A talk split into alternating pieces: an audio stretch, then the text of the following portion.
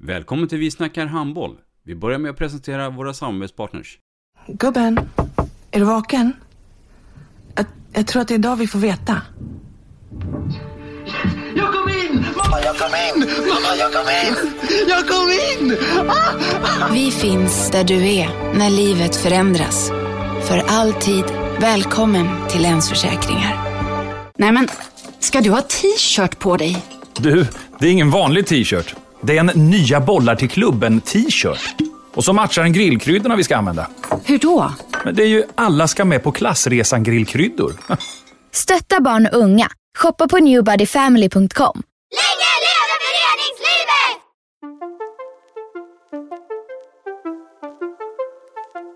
Välkommen säger vi till dig som lyssnar till den nya handbollspodden Vi snackar handboll med Robban Z och Dagge. Vi snackar handboll, där du får veta alla sanningar som du inte visste att du missat. Vi snackar handboll. Hallå där alla följare till oss här på Vi snackar handboll. Eh, jag, Robban Zetterqvist. Och jag, Dagge Lundin.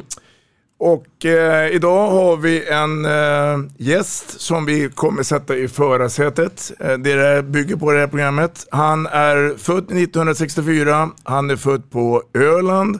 Han har ett smeknamn som heter Nollan. Han heter Lars Magnus Gran.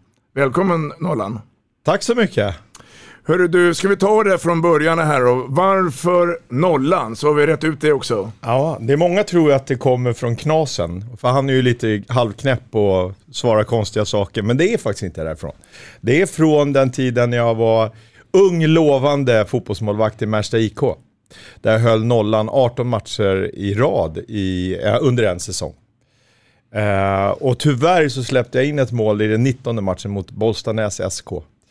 Så, och det som det, det, det byggde på det var ju att eh, lokaltidningen hemma i Märsta eh, hade fått upp ögonen. Man hade ju tabeller på den tiden mm. när man fick följa alla ungdomslag. Och då helt plötsligt såg de där att det var ett Märsta IK-lag där som hade släppt in noll mål efter en 8-9 omgångar. Och då gjorde de ett litet minireportage om det där. Och sen så följde de upp hela liksom varje vecka. Så vart det, jag släppte inte in mål, då vart det så här, en håller nollan och så här, fortfarande tio matcher utan insläppt mål och, och sådär. Och då vart det ju så att min tränare, eh, Göran Forslund, började kalla mig nollan och därifrån kommer det. Mm. Intressant Agge. Ja, verkligen.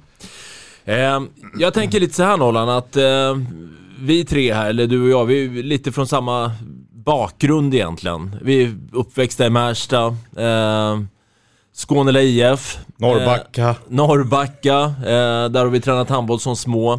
Eh, jag är lite nyfiken på liksom hur din uppväxt har präglat dig och liksom den människa du är idag och, eh, och det du står för. Ta det från början. Ja, nej men alltså det, det är så här att jag, jag kommer egentligen från ingen idrottsfamilj. Alltså egentligen. Egentligen var det bara min morfar som var idrottsintresserad. Han var väldigt framgångsrik. Han drog, tog sju SM-guld i tyngdlyftning. På den tiden tyngdlyftning var stort, när man uppträdde på stora tivolin och, och sådär. Det var 20-30 000 åskådare. Men i övrigt så var det ganska sparsmakat med, med idrottsintresse i familjen. Det var mycket musik. Eh, men jag landade i, i, eh, i idrotten mycket tack vare att jag hade liksom människor runt omkring mig på gården i Märsta där jag bodde i Valsta. Som var idrottsintresserade. På den vägen var det. Och att det just sen blev handboll, och jag kommer väva in snart varför, hur det kunde prägla mig, det, det jag står för idag. Det, det var att det var, man körde det här skolhandboll på den tiden. Mm. Som var helt fantastiskt. Där man alltså spelade i klasslag och träffades i Norrbackahallen, var det då vi spelade. Och man träffades och man fick ha egna namn och vi hette Pantrarna kommer jag ihåg och sådär. Så man cyklade ner till Norrbacka och spelade den här klasshandbollen. Och det var så jag blev intresserad av handboll. Uh, så, att, så det var så jag halkade in på handbollsdelen och sen efter skolhandbollen så gick man ju in i någon form, man kunde anmäla sig och börja spela och då var det ju naturligt att välja Skåne IF. För det var ju den enda klubben som fanns då, där. Uh, och sådär. Och sen det som på något sätt har följt med mig hela tiden, det är att jag själv ser mig som eh, väldigt omtänksam människa och det har jag ju fått från framförallt min mormor som var extremt omtänksam och tänkte på alla och det var viktigt att folk skulle må bra och sådana saker. Och det har också präglat mig både i mitt sätt att spela och vara när jag var som spelare. Det var därför kanske man inte nådde ända fram som spelare. Man var för mesig och snäll och tänkte för mycket på alla andra. Men det bar jag med mig i alla fall i ledarskapet sen otroligt mycket och som jag alltid bär med mig att det är viktigt att människor trivs för då tror jag man utvecklas. Mm. Sen hade jag faktiskt förmånen också, ska, man ska inte underskatta heller vad som präglar. Jag hade ju otroligt, otroligt mycket bra ledare ute i Märsta. Alltså med Frej Söderlund som hade den här handbollsskolan som tog vid från klasshandbollen och sådär. Som kastade bollar på när man klättrade i ribbstolarna. Och sådär, för jag var ju rätt vild när jag var liten. Mm men, men, men med det sagt, sen så, den stora lyftet jag fick, när jag började förstå handboll på riktigt, det var ju faktiskt när vi fick Tony Guray som tränare i, i, i Märsta, eller i Skåne. Då. Tänkte just komma till det. Du kom ju från, eller sprungen ur den här 64-kullen med du själv och Staffan och Jan Olofsson och så vidare. Liksom, eh, det var rätt bra spelare för, alltså för den tiden egentligen. Och minns jag rätt så var ni väldigt nära pojkarsvenskan.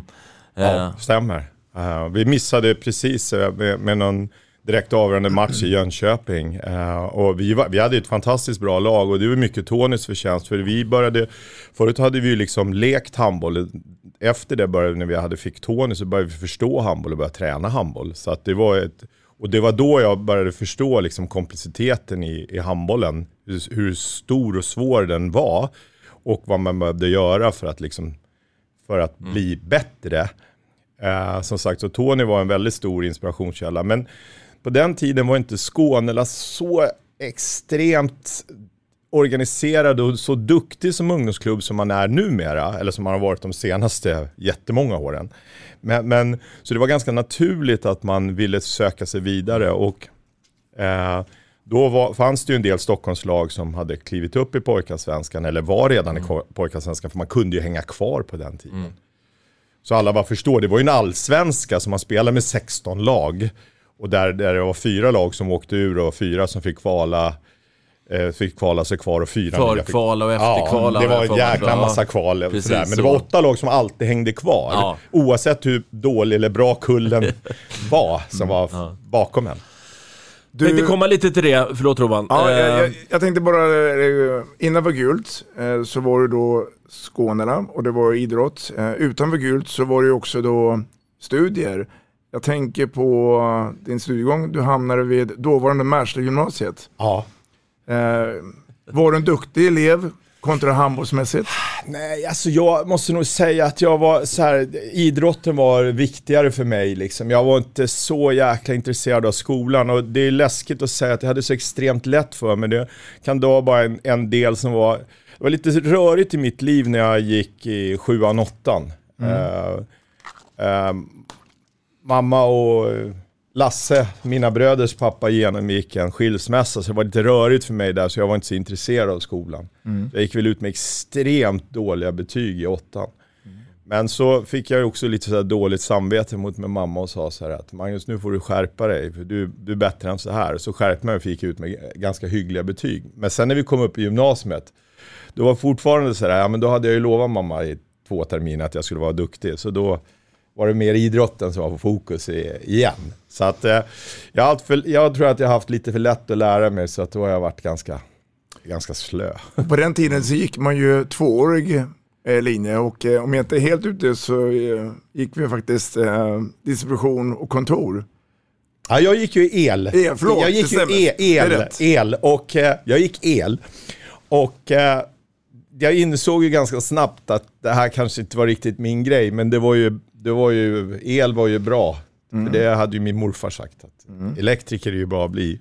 Ändå jobbade du länge i elbranschen. Ja, jag jobbade alldeles för länge egentligen. Jag vet inte, jag gick hela tiden och förväntade att nu snart kommer någon syna mig och liksom eh, klä av mig och tänka att vilken bluff det är som går omkring där. För jag, jag kunde ju väldigt lite, men jag, men jag klarade mig på mötena och, och sådär. Det var ju inte så att jag var helt tappad, men jag var inte ett dugg intresserad. Det var väl mer det. Sen hade ni en sak gemensamt ni två. Ni lämnade handbollsspelet i Skåne. Vad hände sen då Dagge? Ja, nollan får vi berätta själv, men, men lite som jag inledde där. Vi har ju lite samma bakgrund. Uppväxta i Märsta, kände att Skåne inte riktigt räckte till. Eh, gick till Cliff, men ble, blev inga stjärnor någon av oss som, liksom, som spelare sådär. Och jag är li, lite nyfiken på liksom... Flyttlasset ha gått runt 79-80 för dig. Mm. Uh, jag räknar i, i minnet. Jag vill minnas också att du flyttade från Märsta då.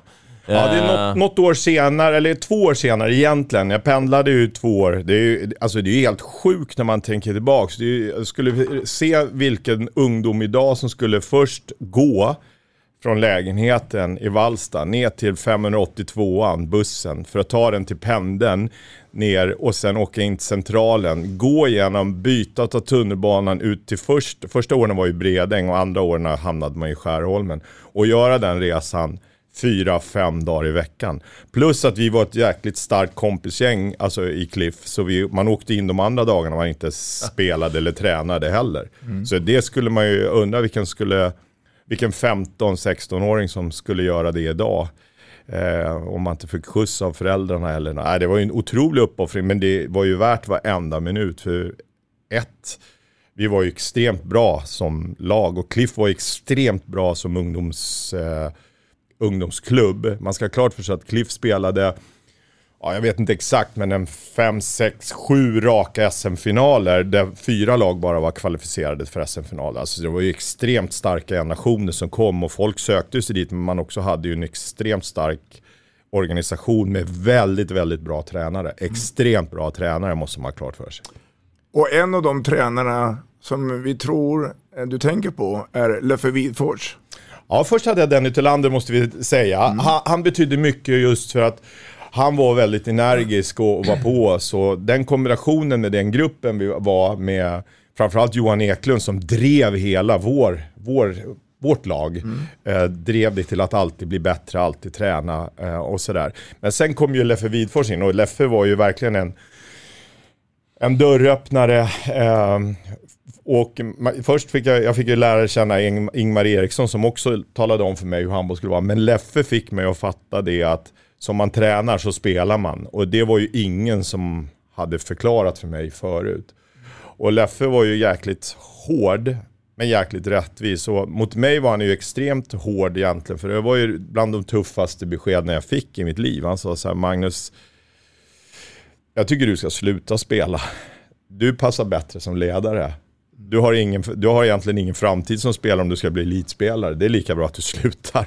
Det är ganska tufft att höra när man precis var första eller andra års senior liksom, och trodde ändå att man hade en handbollskarriär framför sig. Vad tänkte du då? då? Nej, det var jäkligt jobbigt. Jag var jäkligt ledsen och, och eh, eh, besviken över Leffe. För jag såg ju upp jäkligt mycket till honom. Eh, men, men när det där fick landa så började man ju inse också att man hade ju liksom de, man hade ju de begränsningar han beskrev. Eh, och jag såg inte möjligheten att jag skulle kunna bli den spelaren. Jag fick ju träna extremt hårt för att platsa. Och då platsa, platsa det var inne så att man satt längst ut till vänster på bänken. I, när man blev senior. De få matcherna som man blev uttagen.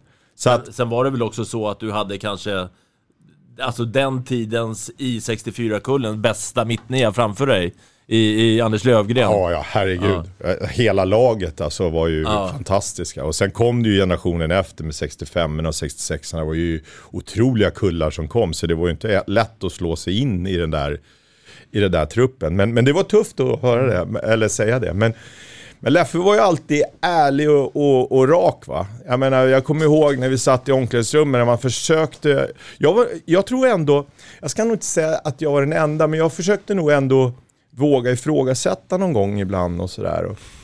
Men jag kommer ihåg några gånger när vi skulle gå ut och springa. Därför var jag väldigt bestämd.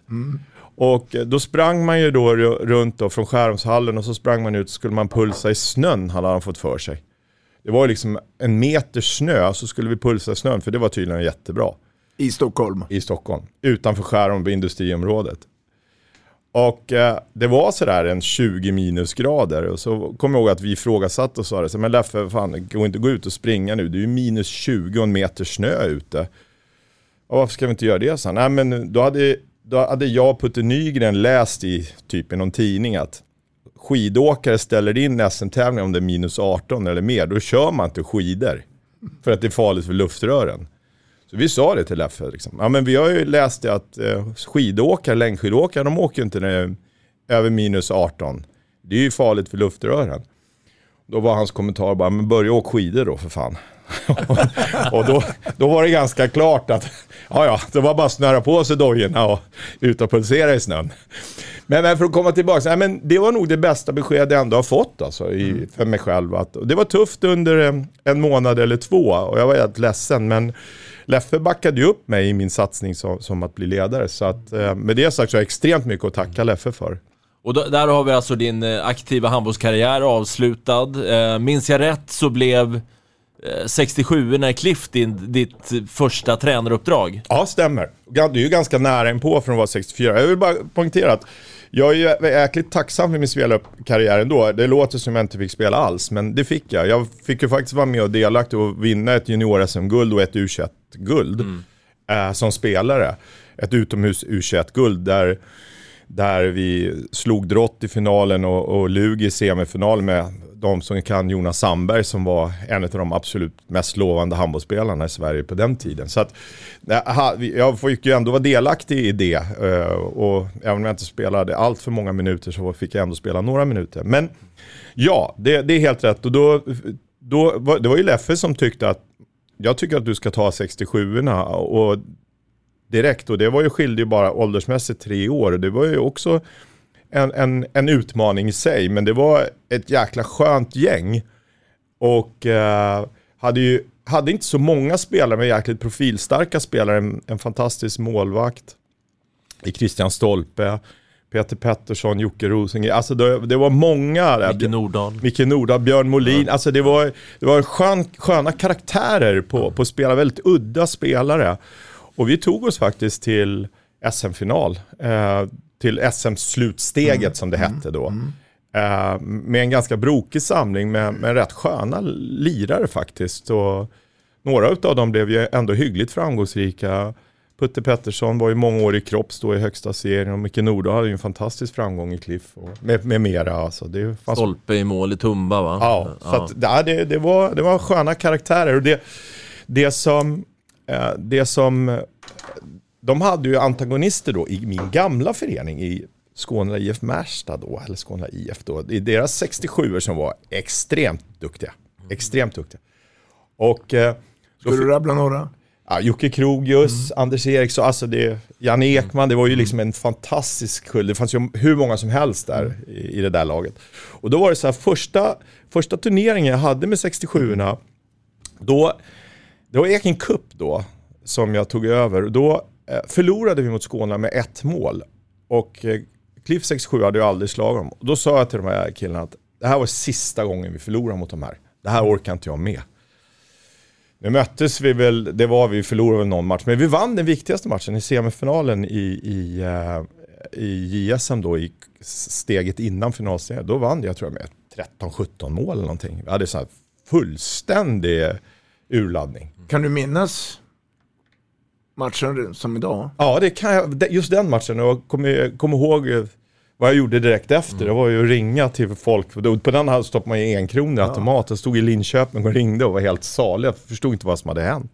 Nej. Så då tog vi oss till finalsteget. Men det, det gjorde Skåne också. Mm. De var ju mycket bättre egentligen om man tittar på det. Men vi fick en sån här totalträff i, i den matchen. Så det, det, det, det var skönt och då kände jag så här, fan, det här, jag kan nog kanske bli något som tränare. Jag hade lite idéer, vi gjorde vissa förändringar, spelade lite offensivt med någon tvåa sådär. Man försökte hitta lite lösningar. Kanske inte var världens genialiska, men det räckte. Du får faktiskt chansen att eh, hälsa till eh, bland annat Leffe Wifors nu om du vill göra det. För jag tror han kommer lyssna på det här. Ja, det hoppas jag. Leffe har, så, återigen, det är bara att jag har mycket att tacka för Leffe. Han har betytt extremt mycket. Eh, Eh, och han har varit en jäkla support och även under tiden då när jag var som mest aktiv i Hammarby. Så jag har mycket att tacka för honom och stort tack därför. Solid Sport är handbollens hem för streaming av matcher. Hos oss hittar du allsvenskan, division 1, division 2, USM, ungdomsmatcher och mängder av handbollskupper. På solidsport.com svensk handboll hittar du det senaste samt kommande matcher från Handbollssverige. Vill du själv även komma igång och börja sända matcher för ditt lag? Gå in på solidsport.com för att läsa mer.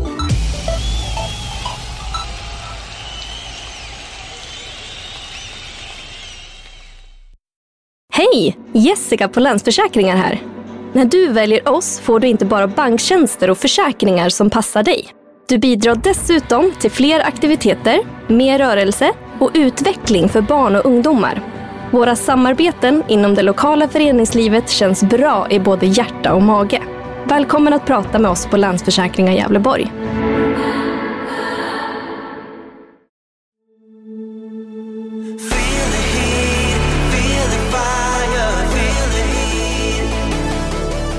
På Restaurang Hit är kärleken till vällagad och god mat vår största passion.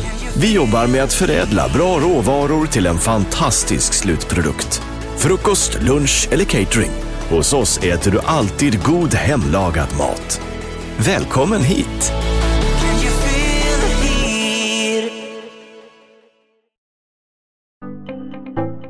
Sedan 1987 har Newbody Family hjälpt idrottsföreningar att tjäna pengar till sina kupper och resor. Totalt har samarbetet genererat över 1,2 miljarder kronor till svenskt föreningsliv. Nytt för i höst är att ni nu kan sälja Newbody, Spicy Dream och Home Ceremonies i samma katalog. Enklare blir det inte. Newbody Family. Länge lever föreningslivet. Vi snackar handboll.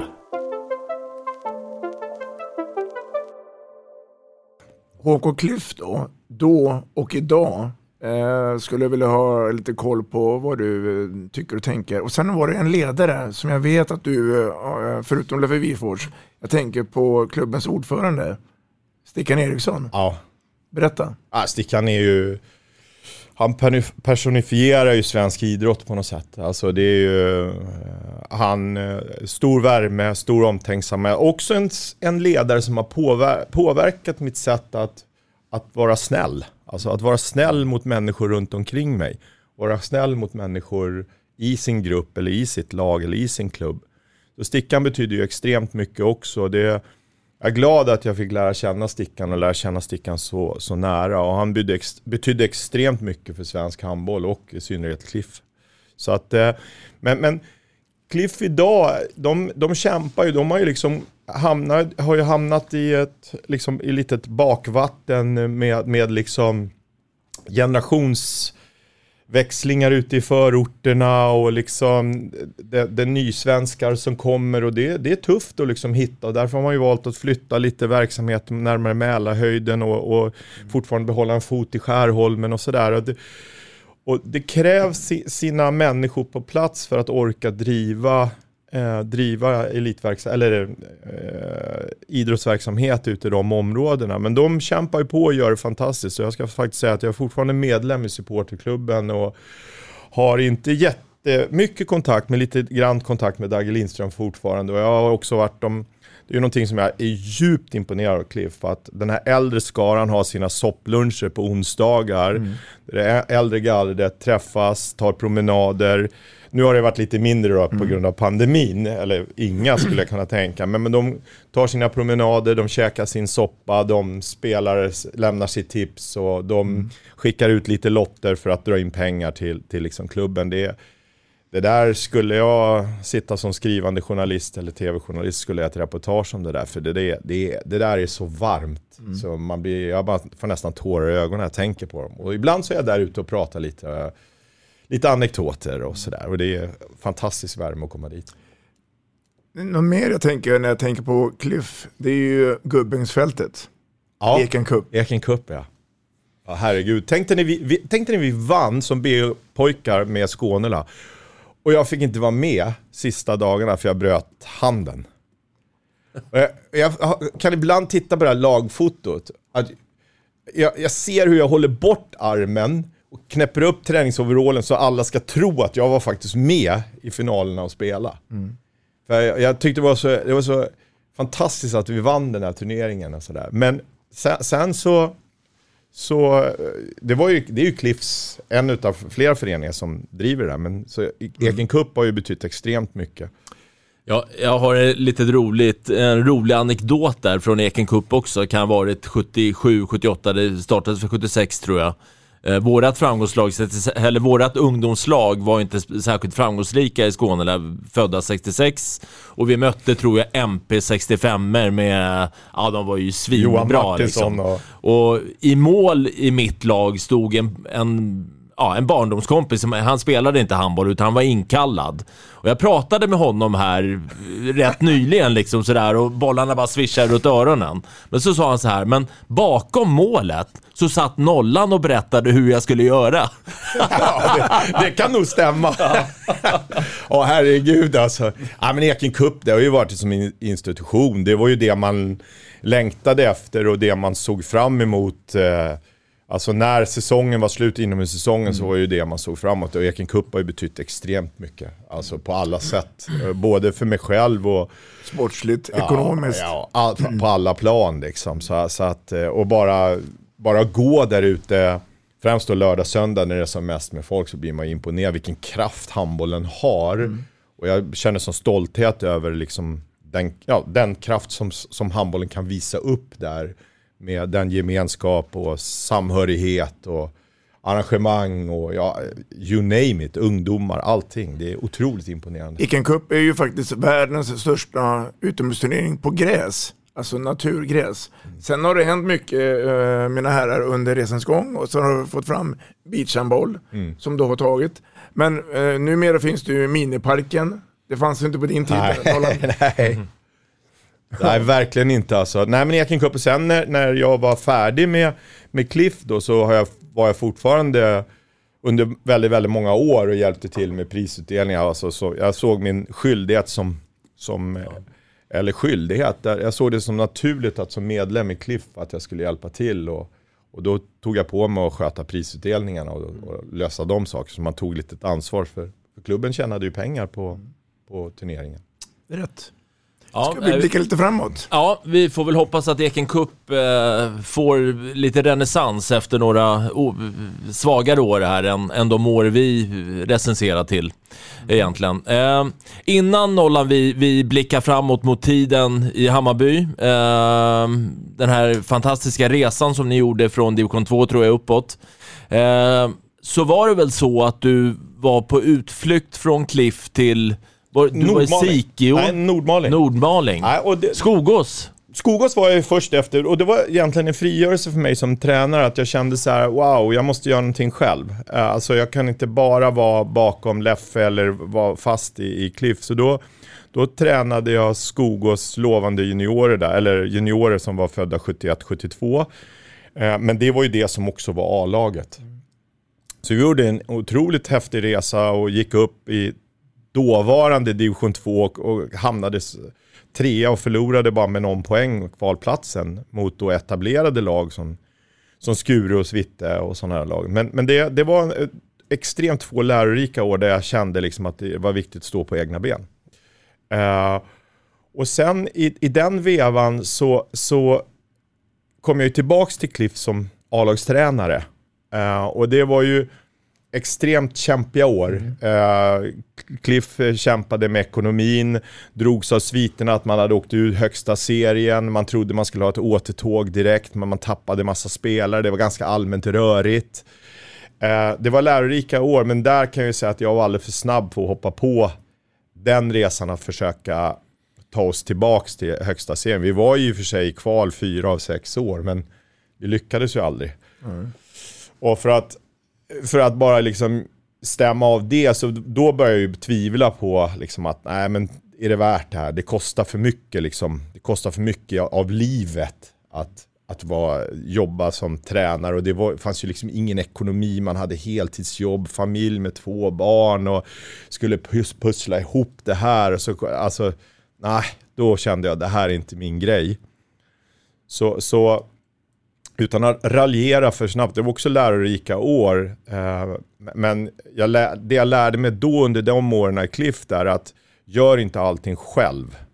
Alltså för där stod man och tänkte att jag ska göra allting själv, vilket jag i och för sig trillade dit de första åren i Hammarby sen, men det kan vi komma tillbaka till. Men, men, men med det sagt då så, så, så då kände jag att nej det är färdigt. jag tänker inte hålla på med det här längre. Men då dök ju Nordmaling upp som ett spår och då var det eh, några eh, entusiaster där uppe som hörde av sig och frågade om inte jag kunde vara liksom lite mentor. Och eh, i, i, samma veva så fick jag frågan av min gode vän Per Johansson och frågade om inte jag ville vara med i en satsning på juniorlandslaget som är de som var födda 82-83 allt det här med riksläger och det. Det är Som Lukas jag... Karlsson och Larholm och... Ja, Kim Andersson, Kim Andersson och det var Joakim Erntsson, det var ju Rasmus Vrem, alltså det går ju rabbla Vilket gäng! Ja, Anders Persson i mål, alltså det var ju otroligt bra. Vilket som vann U21-VM sen, då var inte jag med, men de vann ju VM-guld då, men då hade jag hoppat av för jag satsade fullt ut på Hammarby. Men där ska jag också, det var viktigt att Per ringde under den vevan när jag var i Nordmaling och sa, men ska inte du vara med på den här satsningen? Och då fick jag nytändning av handboll. Så jag, där är också mycket att tacka Per, att jag liksom kom till insikt att men det är det här jag ska hålla på med. Men hur löste du det? Nordmaling? Var du tjänstledig från jobbet nej, och flyttade då, dit permanent? Nej, eller? jag åkte upp, alltså, då var jag uppe där eh, typ så här, torsdag, fredag, lördag. Och då körde man två träningspass fredag, lördag, så spelade man, eller torsdag, fredag och så spelade man lördag och så var jag med på bortamatcherna. Eh, för de hade ett ledat, ledarteam där med Thomas bland annat som, som, som drev laget och sådär. Och vi hade en otrolig utväxling. Alltså vi spelade, vi var en match, alltså första året var vi en match ifrån att nå elitseriekval. Andra året nådde vi elitseriekval. Så ni spelade alltså i nuvarande allsvenskan ja. som topplag kan man säga? Ja, ja. och då mötte vi kroppskultur i en direkt avgörande match om, om att gå upp, men vi fick storstryk i båda fighterna. Men då var liksom klubben havererad ekonomiskt. Så jag verkar ha haft väldigt flyt att hamna i klubbar som havererar ekonomiskt. Cliff var, där var det du som tog pengarna eller? Vad sa du? Var det du som fick pengarna? Ja, det, det, det är det det inte var. Det är det som jag kan ibland bli förbannad på. Alltså om jag hade suttit här och haft en jävla massa pengar istället, men så var det inte. Utan, du har massa kvitton här ja, ja, ja, herregud. Nej, det var, det var verkligen inte så, tyvärr. Nej, men det, det, det, det har ju med det hade mer med att man var dåligt organiserade. Man hade alldeles för lite människor som förstår, ja, förstår mm. vad som krävs för att nå till, till, till den absolut högsta nivån. Det, det, det, det, det, krävs många insatser och det är många som gör fel i det än idag som tror att det bara ett lag kan lyckas. Och där är det ju, det funkar inte så. Ett lag kan lura en organisation i ett år men inte över, över tid. Du blir aldrig bättre än organisationen. Liksom. Jag vill gärna dröja mig kvar lite där, Nordmaling. Eh, ja. Det, det, det, är ju liksom ett känt faktum och problem i Sverige att, liksom att öppna det här Norrlandsfönstret för handbollen. Uh, hur, hur var det på den tiden? Gick det att värva externt? Ja, det gjorde det faktiskt lite då. Eh, lite. Alltså det, och där var en anledning varför jag nappade på det. För jag gick igång på det där och kände så här, men det måste ju kunna finnas. Eh, och sen var det så att Nordmaling och Sikio triggade ju varandra och då fanns det liksom två lag i en, area av 10 mil emellan.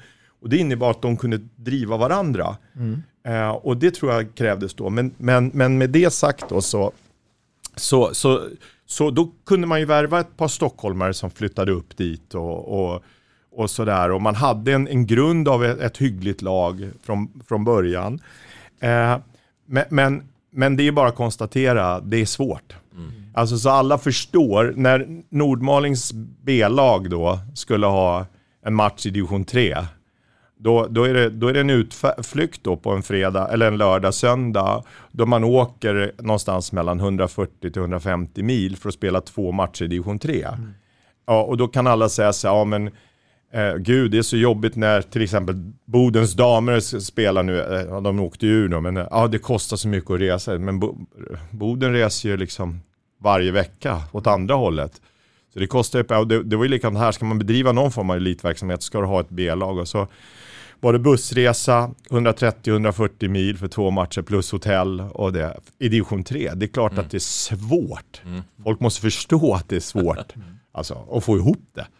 Det, det, det Medan man då kanske i Stockholm och Göteborg tar lokala färdmedel och så spelar det ja. reservlagsmatch eller B-lagsmatch, alltså, eller juniormatch eller någonting. Så att, eh, nej, men det, det, var en jätterolig tid. Eh, det var otrolig uppbackning från den lilla stan i Nordmaling. Så det var, var kul. Det var också ett fantastiskt gäng så, som, som eh, hade egentligen aldrig någon riktig chans att nå högsta C. Men vi var där och nosade och jag tror att både killarna eh, som var i laget och framförallt byn och de som jobbade var jäkligt stolta över det vi åstadkom under två år. Faktiskt. Det, var, det är bara det, se glädjen hos människor, det, det får man aldrig underskatta.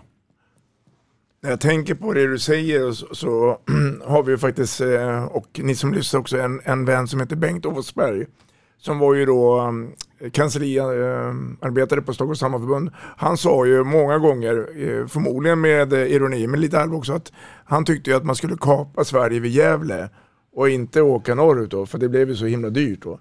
Så att eh, det, det, men så är det inte förstås, utan vi är ett land, ett avlångt land och det är ju så att så. Ja, men sen, sen, jag håller med, men sen är det så här att det, det, det, det är många, många saknar och det är, inte bara i Sto- det är inte bara uppe i Norrland utan det finns en del dåliga fläckar i landet överhuvudtaget där handbollen behöver utvecklas. Men, men det är med sportslig kompetens. Att de som har sportslig kompetens lämnar de områdena av olika skäl.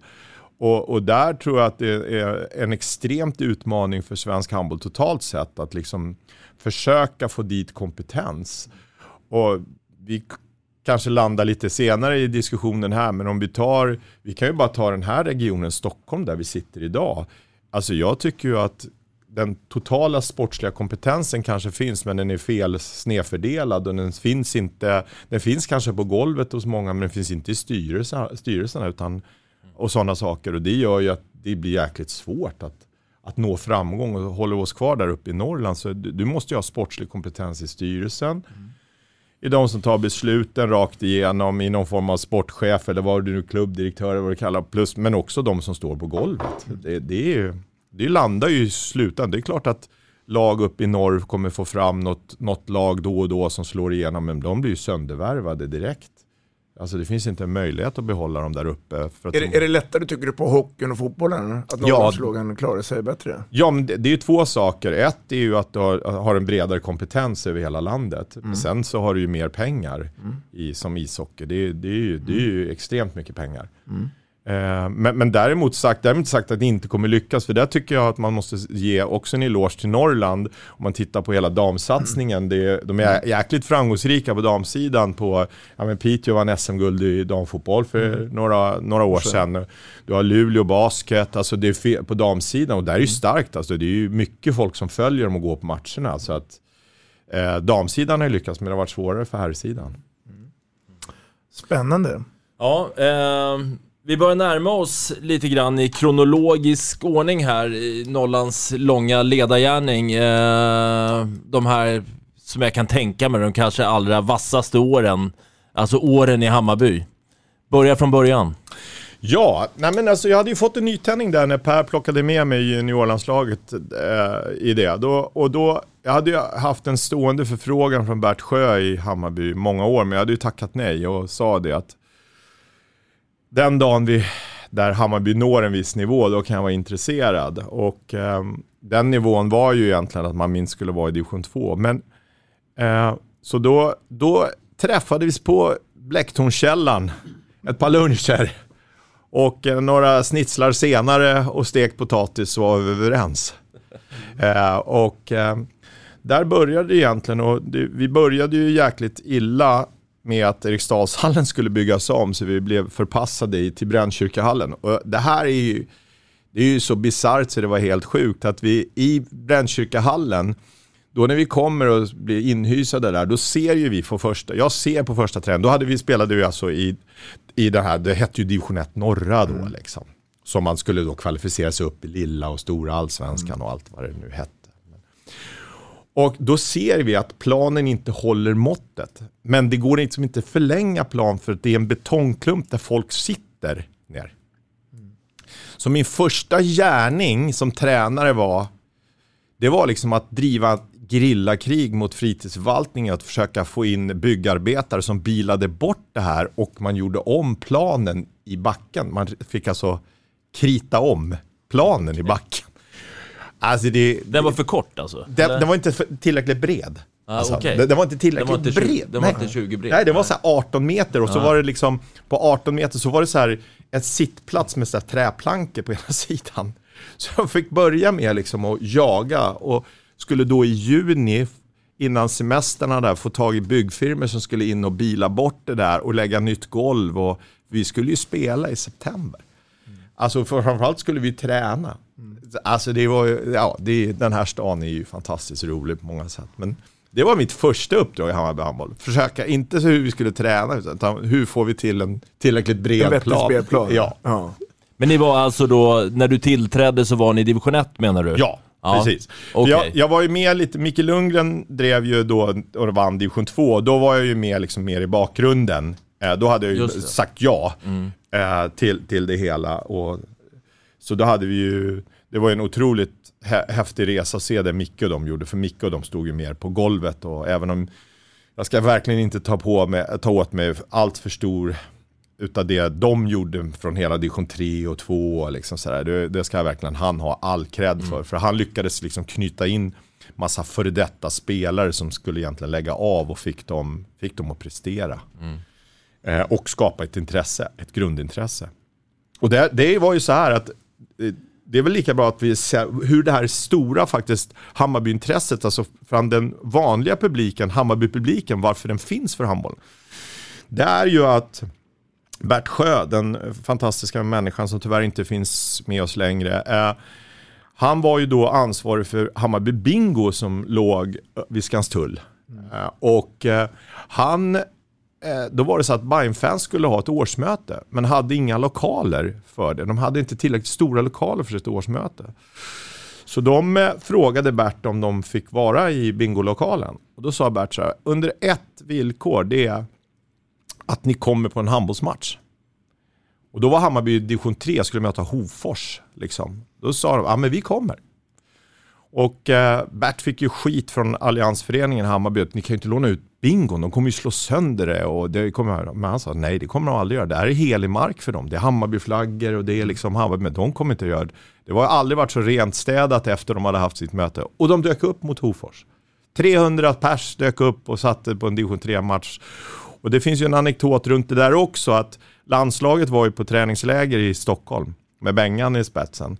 Och de ska ju träna efter matchen mot Hammarby möte mot Hofors.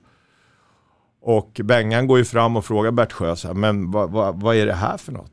Vilken division spelar ni i? Ja, det är division 3 och han blev alldeles häpen över att det satt 300 lite halvfulla Hammarbyare som skrek.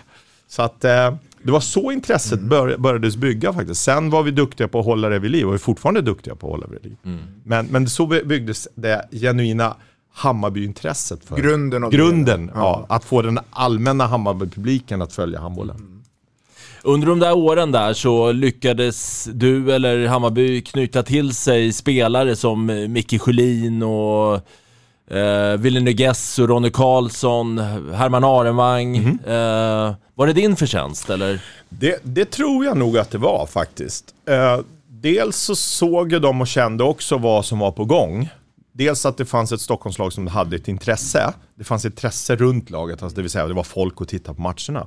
Och folk brydde sig. Men jag tror nog att mi- min, min, min, mitt engagemang och min, min tro på att vi skulle påbörja en resa, det tror jag var helt avgörande för att de valde att spela. Och sen också att vi hade knutit upp oss då till, vågar jag säga då, Mellansveriges största talang, Lukas Karlsson, att han valde att skriva på för Hammarby trots att han hade både erbjudande från Drott och, och, och Guif och sådär, så valde han att spela Hammarby. Och alla gick, hängde med den här äh, resan, det här målet av resa som vi satte upp. Vi, vi hade ju sådana här målbilder där vi sa att vi såg oss själva hoppa i ring efter eh, och såg löpsedlarna dagen efter. Vi gick ut lite småbakfulla och såg att Hammarby till högsta serien och sådär. Och det var ju den målbild du hade, vilket infriades sen. Både Expressen och Aftonbladet hade det när vi såg. Det enda skillnaden var att vi, vi hade fel färg på tröjorna för vi hade liksom vi hade inte de vi- vita tröjorna, utan, eller, eller inte de gröna tröjorna utan de vita tröjorna när vi gick upp. Så att det var Hur, hur många år hade du dem i näst högsta serien innan ni tog klivet upp? Två. Två år? Två säsonger Okej. hade vi. Ja. Så att, eh, och det där är ju det där är också en sån här rolig Hammarby-anekdot när vi går upp. Det måste jag berätta, det är galet roligt.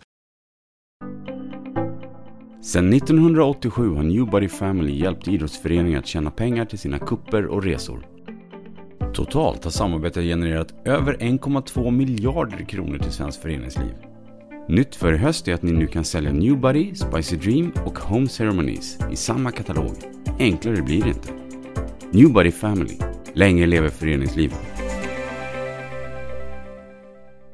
Solid Sport är handbollens hem för streaming av matcher. Hos oss hittar du Allsvenskan, Division 1, Division 2, USM, ungdomsmatcher och mängder av handbollskupper.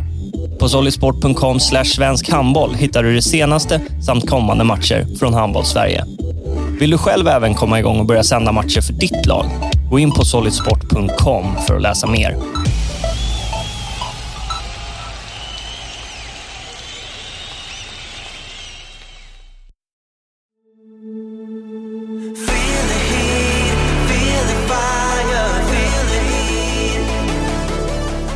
Restaurang Hit är kärleken till vällagad och god mat vår största passion. Vi jobbar med att förädla bra råvaror till en fantastisk slutprodukt. Frukost, lunch eller catering. Hos oss äter du alltid god hemlagad mat. Välkommen hit! Hej! Jessica på Länsförsäkringar här. När du väljer oss får du inte bara banktjänster och försäkringar som passar dig. Du bidrar dessutom till fler aktiviteter, mer rörelse och utveckling för barn och ungdomar. Våra samarbeten inom det lokala föreningslivet känns bra i både hjärta och mage. Välkommen att prata med oss på Länsförsäkringar Gävleborg.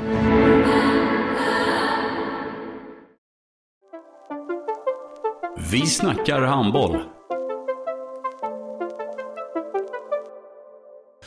Vi, vi, alltså, det var ju trasigt med, jag gjorde ju allt. Jag ska verkligen inte säga, det fanns folk som gjorde lite annat. Men jag pumpade bollar, jag köpte klister, jag såg till att spelarna fick lunch, jag skjutsade dem till tåg. Alltså det var ju allt. Så skulle man försöka ha en träning också. Men ja, det var, så det var ju allt. Men när vi, det året vi gick upp, vilket var direkt avgörande match mot Ystad-Västerås då, men det var inte det, vi hade då ett förkval innan mot IFK Malmö. Då mötte vi IFK Malmö hemma. Vi hade fördel av att skulle få en avgörande på hemmaplan. Så vi hade första matchen hemma. Vi vinner relativt enkelt i den och sen har vi en bortamatch till, till där. Uh, uh, I Malmö och Hammarby har ju inga pengar men vi ska ju ändå flyga ner så då vi köper sådana här lågprisbiljetter som inte är ombokningsbara. De är helt, alltså det, det är så här, du måste flyga den tiden, måste flyga den tiden hem. That's it. Ja. Och så vi kommer ner till Malmö eh, och eh, spelar matchen.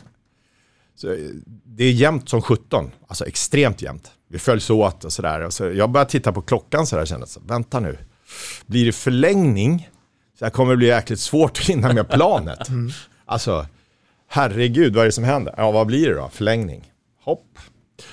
Ja, det blir en förlängning och så, jag tappar ju fokus fullständigt på att coacha matchen. Så här, herregud, blir det en ytterligare, alltså, blir det ytterligare en förlängning, då kommer vi absolut missa planen. Vi kommer ju inte komma hem.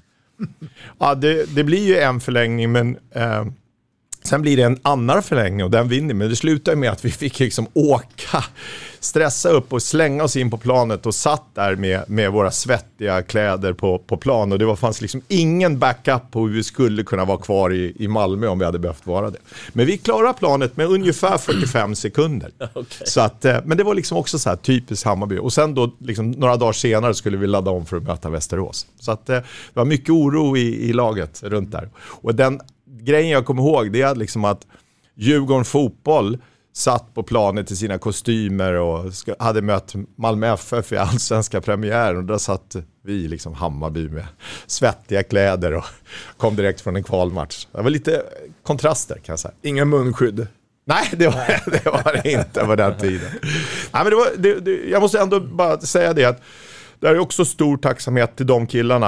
Aren Wang, Sjölin, bröderna Sjölin och, och de, och Uffe Gustafsson eh, med flera, Ronny Karlsson. Alltså, de gjorde en otrolig uppoffring för att vi skulle nå högsta serien. För de var ju på väg out egentligen, men på något sätt lyckades få energi för att klara sig att gå upp de här grabbarna du nämnde, är det, är det någon av dem som håller på med handboll idag som du vet? Har, har du någon kontakt med dem där? Nej, Ronny Karlsson, han vill ju gärna smsa ibland och tala om hur mycket han tar i bänkpress fortfarande. Mm. Det, kom, det kom ju något sms va? och att han har köpt ny Merca och sådär. Det, det får man ibland.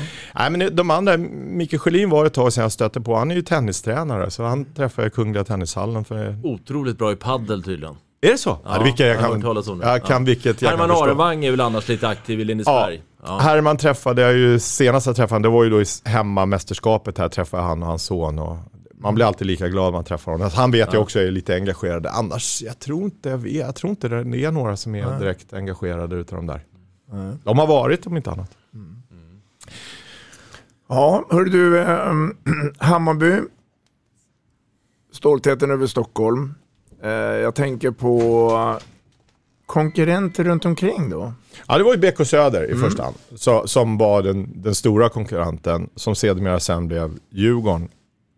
Nej men alltså, det var bra att de fanns där, för det fanns en trigger mot, mot BK Söder. Mm. Och, och eh, det, var, det, det som var mest fantastiska var ju att vi gick ju upp, och det gjorde de också det året. Mm. Så båda lagen landade, men BK Söder blev ju sen då Djurgården där. Eh, och då hamnade vi som sagt eh, i högsta serien, men vi var ju inte färdiga. Hammarby var ju inte färdiga organisatoriskt. Alltså det var ju ett sjuhelsikes slit. Det var otroligt roligt. Alltså en fantastisk resa och jag har sagt det till många att man kan ju skriva en bok om alla grejer som hände i, i runt Hammarby. Men vi var ju inte klara. Men däremot så hade vi ju en, en drivkraft i laget att vilja liksom vilja prestera, vilja etablera oss, vilja komma vidare och sådär. Det var ju många spelare som, som, som bidrog till det. Och de första två åren var ju rent, ja det var ju rent kaos kan man ju säga, egentligen runt omkring.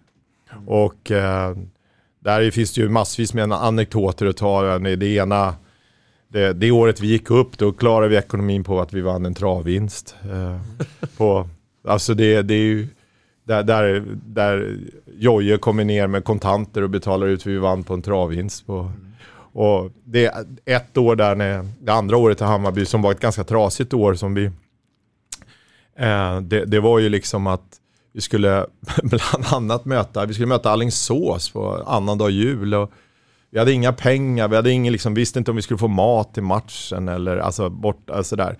Och när vi kommer dit så säger bussbolaget säger så här, "Ja, är det du som är tränare? Ja, det är jag. Du, eh, jag ska ha kontanter utav dig, annars kan inte vi köra match, äh, åka buss ner till matchen. Jag sa, vänta, va? Nej men ni måste skicka en faktura. Nej, nej, nej. Jag har från min chef att du måste ha kontanter. Och du, du har fem minuter på dig att skaffa fram dem. Om det var sex eller åtta tusen, jag kommer inte riktigt ihåg, men det var något sånt där jag skulle fram med. Och jag bara, men vänta, jag måste ju ringa lite folk här. Alltså det här, vänta, jag har ju, nej vänta. Så han bara, ja, 4.30. Va? Vänta nu, alltså. Vänta, vi ska ju möta Alingsås och vi tar det lugnt här nu. Alltså det här, det här går ju inte. Och jag försökte ringa, ingen svara. Så jag fick ju dra på med och då sa, men, då sa jag så här, men kan inte vi bara, kan inte vi bara åka? Så jag löser det här på, på något sätt. Nej, nu är det 3.30 kvar. Sådär, han var stenhård busschaufför. Uh, eh, han var hårdare än Leffe Widfors. så, så, så jag fick ju kuta allt vad jag hade till, till liksom bankomaten och eh, få ut pengar ur bankomaten där. Och kuta tillbaks. Och då när jag kommer fram så säger han så här, ja det var jäkla tur för nu var det bara 20 sekunder, annars hade jag lämnat er här. Så då fick jag pröjsa cash. Det jag vill komma till med den anekdoten, att där satt det då, var det liksom 12-14 grabbar, ledare, 15-16 stycken var totalt här. Och, som bara undrar vad är det som händer med klubben. Det var inte så lätt att åka och prestera den matchen. Jag tror vi fick stryk med 10-14 kassar mot Alingsås. Jag hade inte en chans för alla satt ju och bara undrade vad är det som händer. Eh, men det var så det var på den tiden med Ja, Hammarby. Om vi stannar kvar lite där med ekonomin och sådär så verkar ju det vara ett återkommande problem för Hammarby genom alla år och egentligen i alla sessioner och sådär. Eh, anser, tycker du att det handlar om att det är eh, alltså en bristfällig organisation eller är det Stockholm i sig som gör att, att det är så förtvivlat svårt att få ekonomi? Om vi tittar på alla andra handbollsföreningar i storstadsområdet så är det ju egentligen ja, lite genomgående tema för alla. Ja, men jag skulle säga att det är en kombination. Eh, det- Det ena är liksom att man inte har den organisation på plats. Med det sagt ska jag säga att idag har Hammarby handboll det. Det kan vi komma tillbaka till, men idag har Hammarby handboll det. Men man hade inte det på plats då, inte inledningsvis de första åren, men när det blev SM-guld hade man det på plats, organisation. Sen är det extremt svårt att vara eh, framgångsrik eller eh, bedriva en elitverksamhet i, i Stockholm eh, i en mindre sport. Hammarby fotboll idag blomstrar ekonomiskt. Eh, och det är mycket tack vare att man har extremt mycket folk och en väldigt stark organisation. Men, men med det sagt så historiskt har ju de också haft problem, men i, absolut inte idag. Men jag skulle säga det är ett organisatoriskt, två också svårigheten. För många tror så här, bara för vi heter Hammarby så tror man att vi har jäkligt mycket gratis.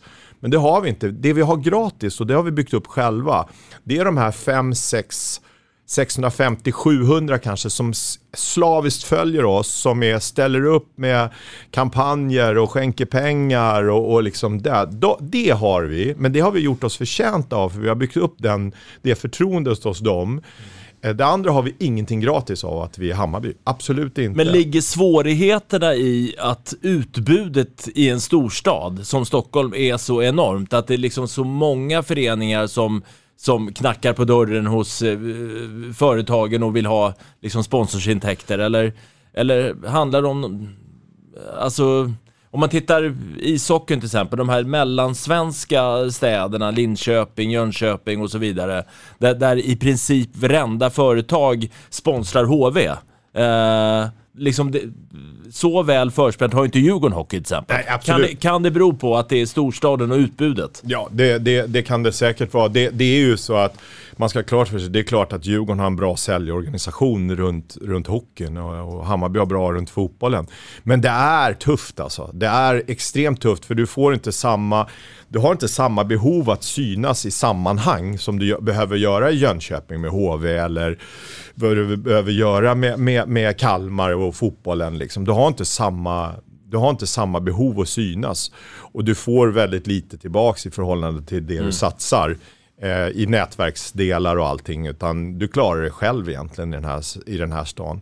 Eh, Däremot så det går att lösa det, det går att knäcka. Det, det handlar ju också att handbollen har ju, i alla fall vad jag tror i Stockholmsregionen, alldeles för dålig organisation runt sponsorförsäljningen. Till mm. exempel. Man, alldeles, man är för oprofessionell i, i det. Och sen måste du jobba på ett annat sätt än vad du gör ute i, i landet. Det räcker ju bara att komma till Västerås så skiljer det sig hur du sponsrar eh, idrott kontra Stockholm. Alltså bara, även om det är bara 10-12 mil så skiljer det extremt mycket på hur man sponsrar. Mm. Så, så, att eh, det är en kombination, men det borde kunna lösa sig. För är det någonting som finns i Stockholm så är det pengarna. Mm. De stora etablerade företagen, de finns här och då finns också kapitalet här. Men det gäller liksom att attrahera dem. Uh, och då kan man säga så ja, hur ska man bygga det? Det ska vara nätverk. Så här. Jag tror att det är så pass enkelt. Du ska tillhöra ett sammanhang, du ska ha ganska kul, uh, du ska känna delaktighet, närvaro. Då kommer även de större företagen vilja, vilja vara med. Men alla är för dåliga på att ta hand om, om, om sina sponsorer. Mm. För att det är inte sådär att, att lägga in 10 000 eller 100 000 att få någonting tillbaks. Ja, du kan ha lite nätverksträffar, lite golftävlingar som du kan tycka är kul, men jag tror fortfarande, är så gammal jag det, till, det handlar om att till, få tillhöra och gärna vara lite framgångsrik. Laget är framgångsrikt, då, då är det lättare att sponsra. Mm. Men också du, tillhöra närvaro, känna delaktighet, ibland få träffa spelarna och känna att du tillhör ett sammanhang. Det tror jag det, det skulle komma väldigt, väldigt långt. Faktiskt. Jag håller faktiskt med dig, Nolan. Ja, vad trevligt. Ja, jag tycker just att man ska bli sedd. Det tror jag är det viktigaste. Du, Hammarby 2021, 2022 ska spela i högsta ligan, handbollsligan. Uh, jag utgår från att ni spelar i Eriksdalshallen. Mm. Uh, ge oss en liten resa nu, vad som kommer hända. Ja, kan jag bara backa och säga att vi vann SM-guld och jag skulle faktiskt, ja. ja jag, jag, vill bara säga det.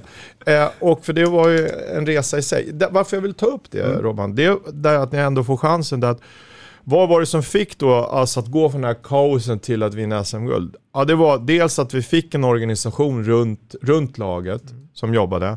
Men man måste också ha klart för sig att Staffan Olssons entré i Hammarby handboll betydde extremt mycket där allting blev mycket professionellare i liksom runt, runt träningar och sådana saker. Men också att vi hade skapat en, en, en, en, en organisation runt laget med fysio, eh, fystränare, mm. läkare och sådana saker. Så det var en kombination. Men jag, jag, därmed skulle jag bara vilja säga att där är, var en nyckel till, till liksom varför det gick. Vi fick en organisation som jobbade med de andra sakerna, laget fick koncentrera sig på träningar och vi fick en organisation runt laget Mm. som jobbade med det. Det var lite grann när du pratade om att många som gör lite för det ska bli ännu bättre. Exakt. Eller om nollan ska göra allt. Exakt, och då blev det sådär. Ja. Vi hade jävligt kul men det blev sådär. men men det, för att komma tillbaka till 2021. Eh, det, det är så här att Hammarby Handboll har gjort en fantastisk resa. Eh, vi, har, vi har egentligen allt på plats. Eh, det är bara att vi vill ha besked att vi får spela inför publik. Det tror jag skulle, det kommer underlätta i den satsning vi gör. Vi har en väl fungerande styrelse med klara arbetsuppgifter emellan varandra. Det har ju varit min roll att kliva in och anledningen varför jag klev in det var att jag kände så här att sitta på läktaren och tycka en massa saker att det var bättre förr eller sitta och gnälla, då kände jag så här, nej det, det är inte riktigt, jag orkar inte. Jag kan inte Netflix-knarka längre, jag kan varenda serie, jag måste göra någonting aktivt, jag måste göra någonting. Och då var det att kliva in, och då var det att kliva in som ordförande för att visa att det var på riktigt, för att lättare att knyta till sig folk om jag sa att ja, men jag tar ordförandeskapet. Eh, istället för att ja, men jag är med lite på sidan och då, då vill alla bara vara med på sidan.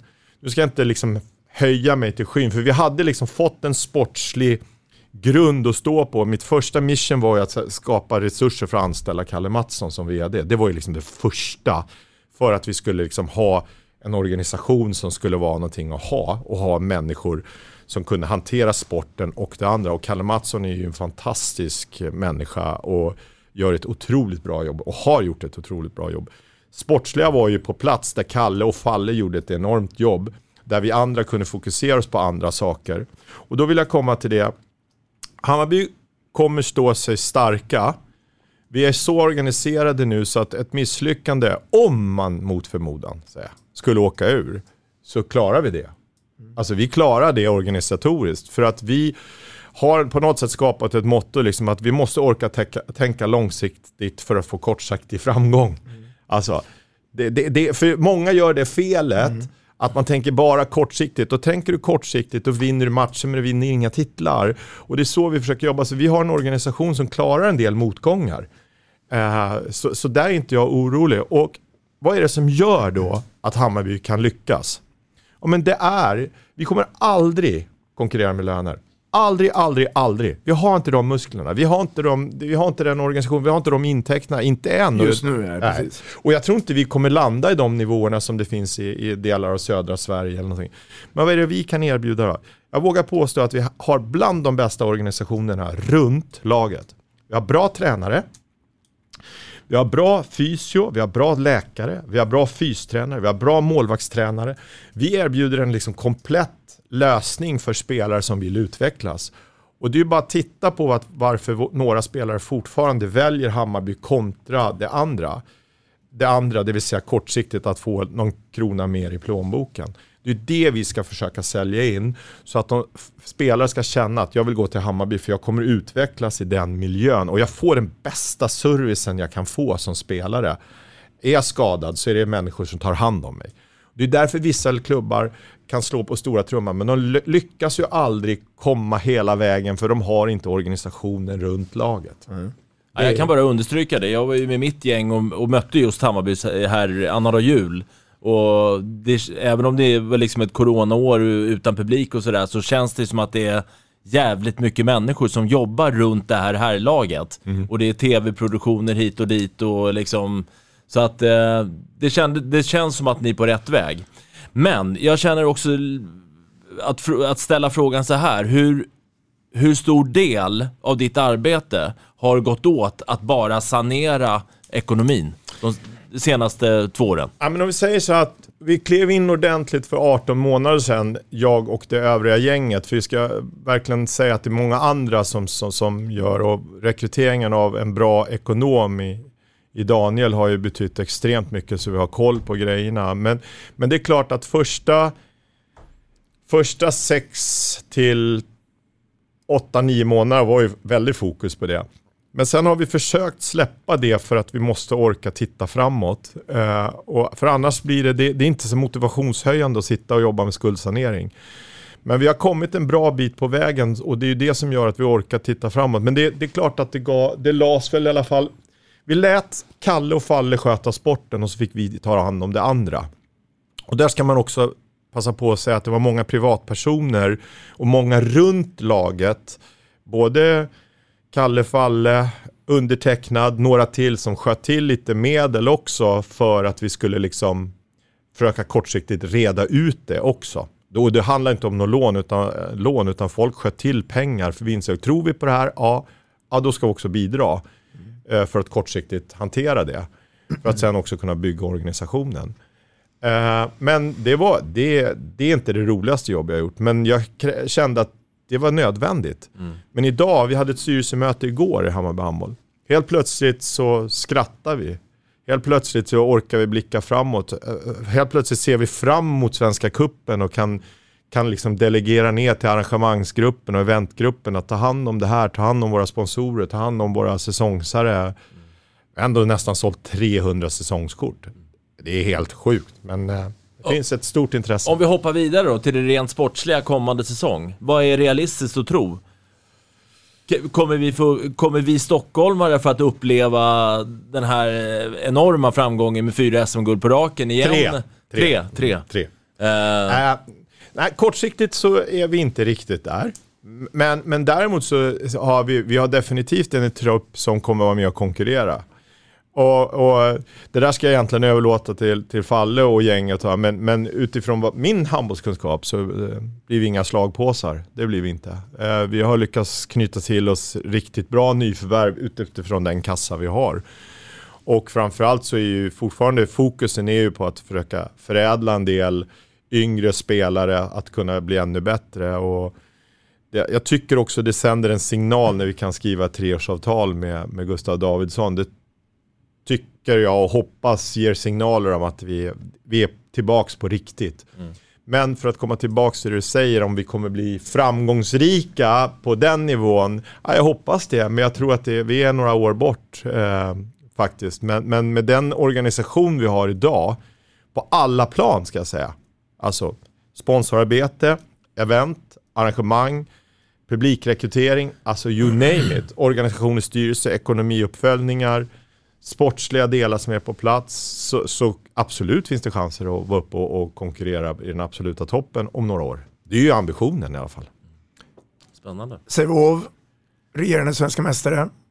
Vilka har du idag som tippade svenska mästare? Ja, jag tror väl fortfarande Sävehof kommer ju, kommer absolut vara en av storfavoriterna. Och jag måste ju passa på att säga vilken fantastisk handboll de spelar. Eh, Jag är djupt imponerad. av- Måste ju glädja ditt Hammarby-hjärta också att Micke Appelgren Ja, men det är klart att jag, jag är jätteglad för hans skull och han har ju haft en otrolig tränarkarriär och han kommer fortsätta ha en fantastisk trä, tränarkarriär. Och det jag blir glad över det är att se på det sättet han representerar, vilken handboll han representerar och kunna förmedla till och våga lita på de här yngre spelarna som får ta ta ansvar eh, och, och där har vi många kommande landslagsspelare som kommer komma från Sävehof. Men Sävehof definitivt, det är ju en och sen får man ju aldrig underskatta de här större klubbarna, Kristianstad, där, men de ska väl bara få lite ordning på Sin sin, verksamhet. sin, sin verksamhet också.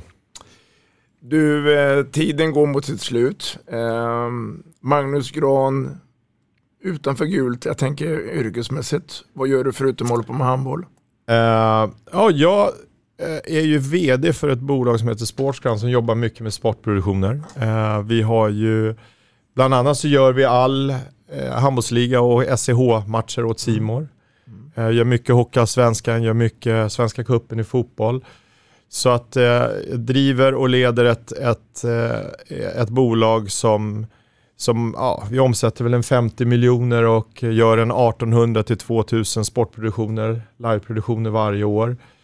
Eh, och där lägger jag också mycket kraft och det. Jag tycker också att det är jäkligt roligt och det har också varit, också varit en jäkligt rolig resa med, med tanke på att även där har mitt företag kunnat bidra till synligheten för handboll på ett helt annat sätt.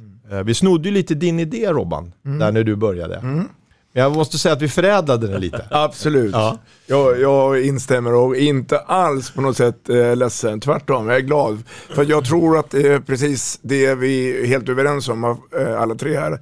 Hade vi gått tillbaka några år när handbollen fick ganska lite mediebevakning så är det en helt skillnad idag. Ja, absolut. Och det är faktiskt bland annat de här så kallade tv eller webbsändningarna, de, de bidrar ju till det.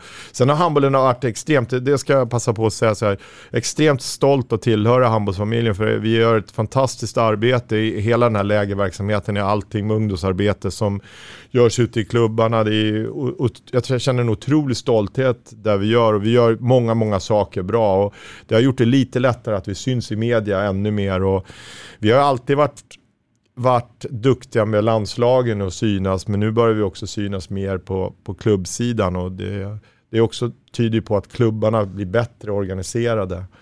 Och äh, jag är bara glad att tillhöra handbollsfamiljen. Vi har ett motto jag och Dagge här, eh, vi snackar handboll och det är att gästen ska vara i förarsätet. Jag vet att du har en liten fusklapp. Det var inte många jag pratade har, grejer Har du men- gått igenom den? Nej, jag, tror, jag tror inte det. Det, var- det, var, det var inte många grejer, jag bara vilka klubbar jag hade typ tränat. Jag, jag känner kanske en avslutande punkt för dig här. Eh, Du är även expertkommentator på SVT. Mm. Eh, berätta lite om den rollen. Ja, det är ju en fantastisk ynnest att få hamna, när, man, när jag klev av som tränare för Hammarby, en ynnest att få, få liksom jobba som expert eh, eh, i den sport man älskar och fått uppleva tre OS, OS-kval. Jag har fått uppleva på plats Linnea Torstenssons avgörande skott mot Kroatien där man nästan satt och grät. Eh, jag har också varit med och varit på plats när Sverige gjorde den fantastiska matchen mot Danmark i en kvartsfinal i OS i, i London när vi tog oss till, sedermera till final. Så att det har ju varit otroligt lärorikt och extremt kul. Eh, och lärt känna väldigt många fina människor. Och det var ju där egentligen mitt intresse blev för det bolaget jag driver. Att vänta, hur kan vi få handbollen att synliggöras ännu mer eh, i det här? Hur kan vi liksom producera alla matcher? Hur kan det komma ut? Att, Men, men du, du hamnar inte i någon jävsituation på något sätt? Nej, men just nu så, är, så har jag ett uppdrag mot SVT att jag jobbar bara med landslagen, inte jobbar med, med högsta serierna. Eh, Okej. För att jag inte ska hamna i en jävsituation i, i förhållande. Så där har vi en ganska klar och rak linje, jag och Åsa Edlund Jönsson. Att, eh, jag jobbar inte med handbollsligan och SCH, just med tanke på att jag har den roll och den insikt jag har i, i, i handbollsligan. Eh, så, så att, eh, Och, där är en och, klar och rollen i Hammarby kontra i, i ditt uh, mediebolag? Det är, Nej, absolut inget. Det finns absolut inget. Utan, alltså, rollen i Hammarby det är ju ideell basis. Det är ju det egna intresset alltså, som, som gör det. Och där är ju betalningen, det är ju glädjen till exempel när vi slår Karlskrona i sista avgörande matchen. Då är det ju glädjen över det och det är bara sorg att man inte fick vara på, på plats i, i arenorna eh, under den här säsongen. Även om jag sm- lyckades torka golv i en tre matcher eller någonting i år. För att få, få närvarande på matcherna. Men, men som sagt, nej men SVT avslutade, det har varit en otrolig resa och jag önskar att någon gång eh, att SVT får tillbaka någon, några handbollsrättigheter. För jag vet också att det finns ett stort intresse på, på SVT för, för, för handboll.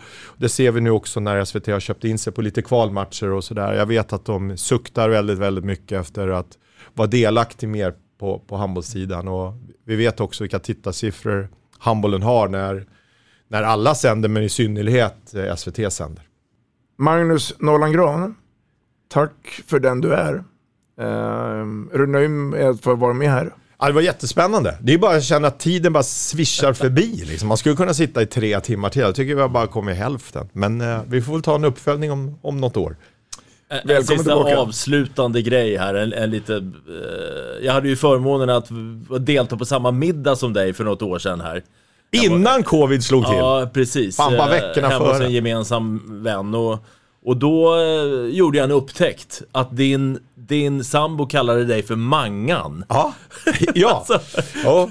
Hon kallar mig för Mange eller Mangan. Det Ja. gör hon. Jo, det, Ja. Hon är nog en av få som, som krigar på med, Ja. med det. Eh, min släkt, jag säger väl Magnus. Jag, jag tittade mig runt bordet och sa, finns det någon Mangan här? Nej, nej, det, det är sant. Hon, hon, eh, hon kör stenhårt. Anna kör stenhårt det. Ja, ja. Tack Magnus Nollan Gran. Tack så mycket. Tack, tack.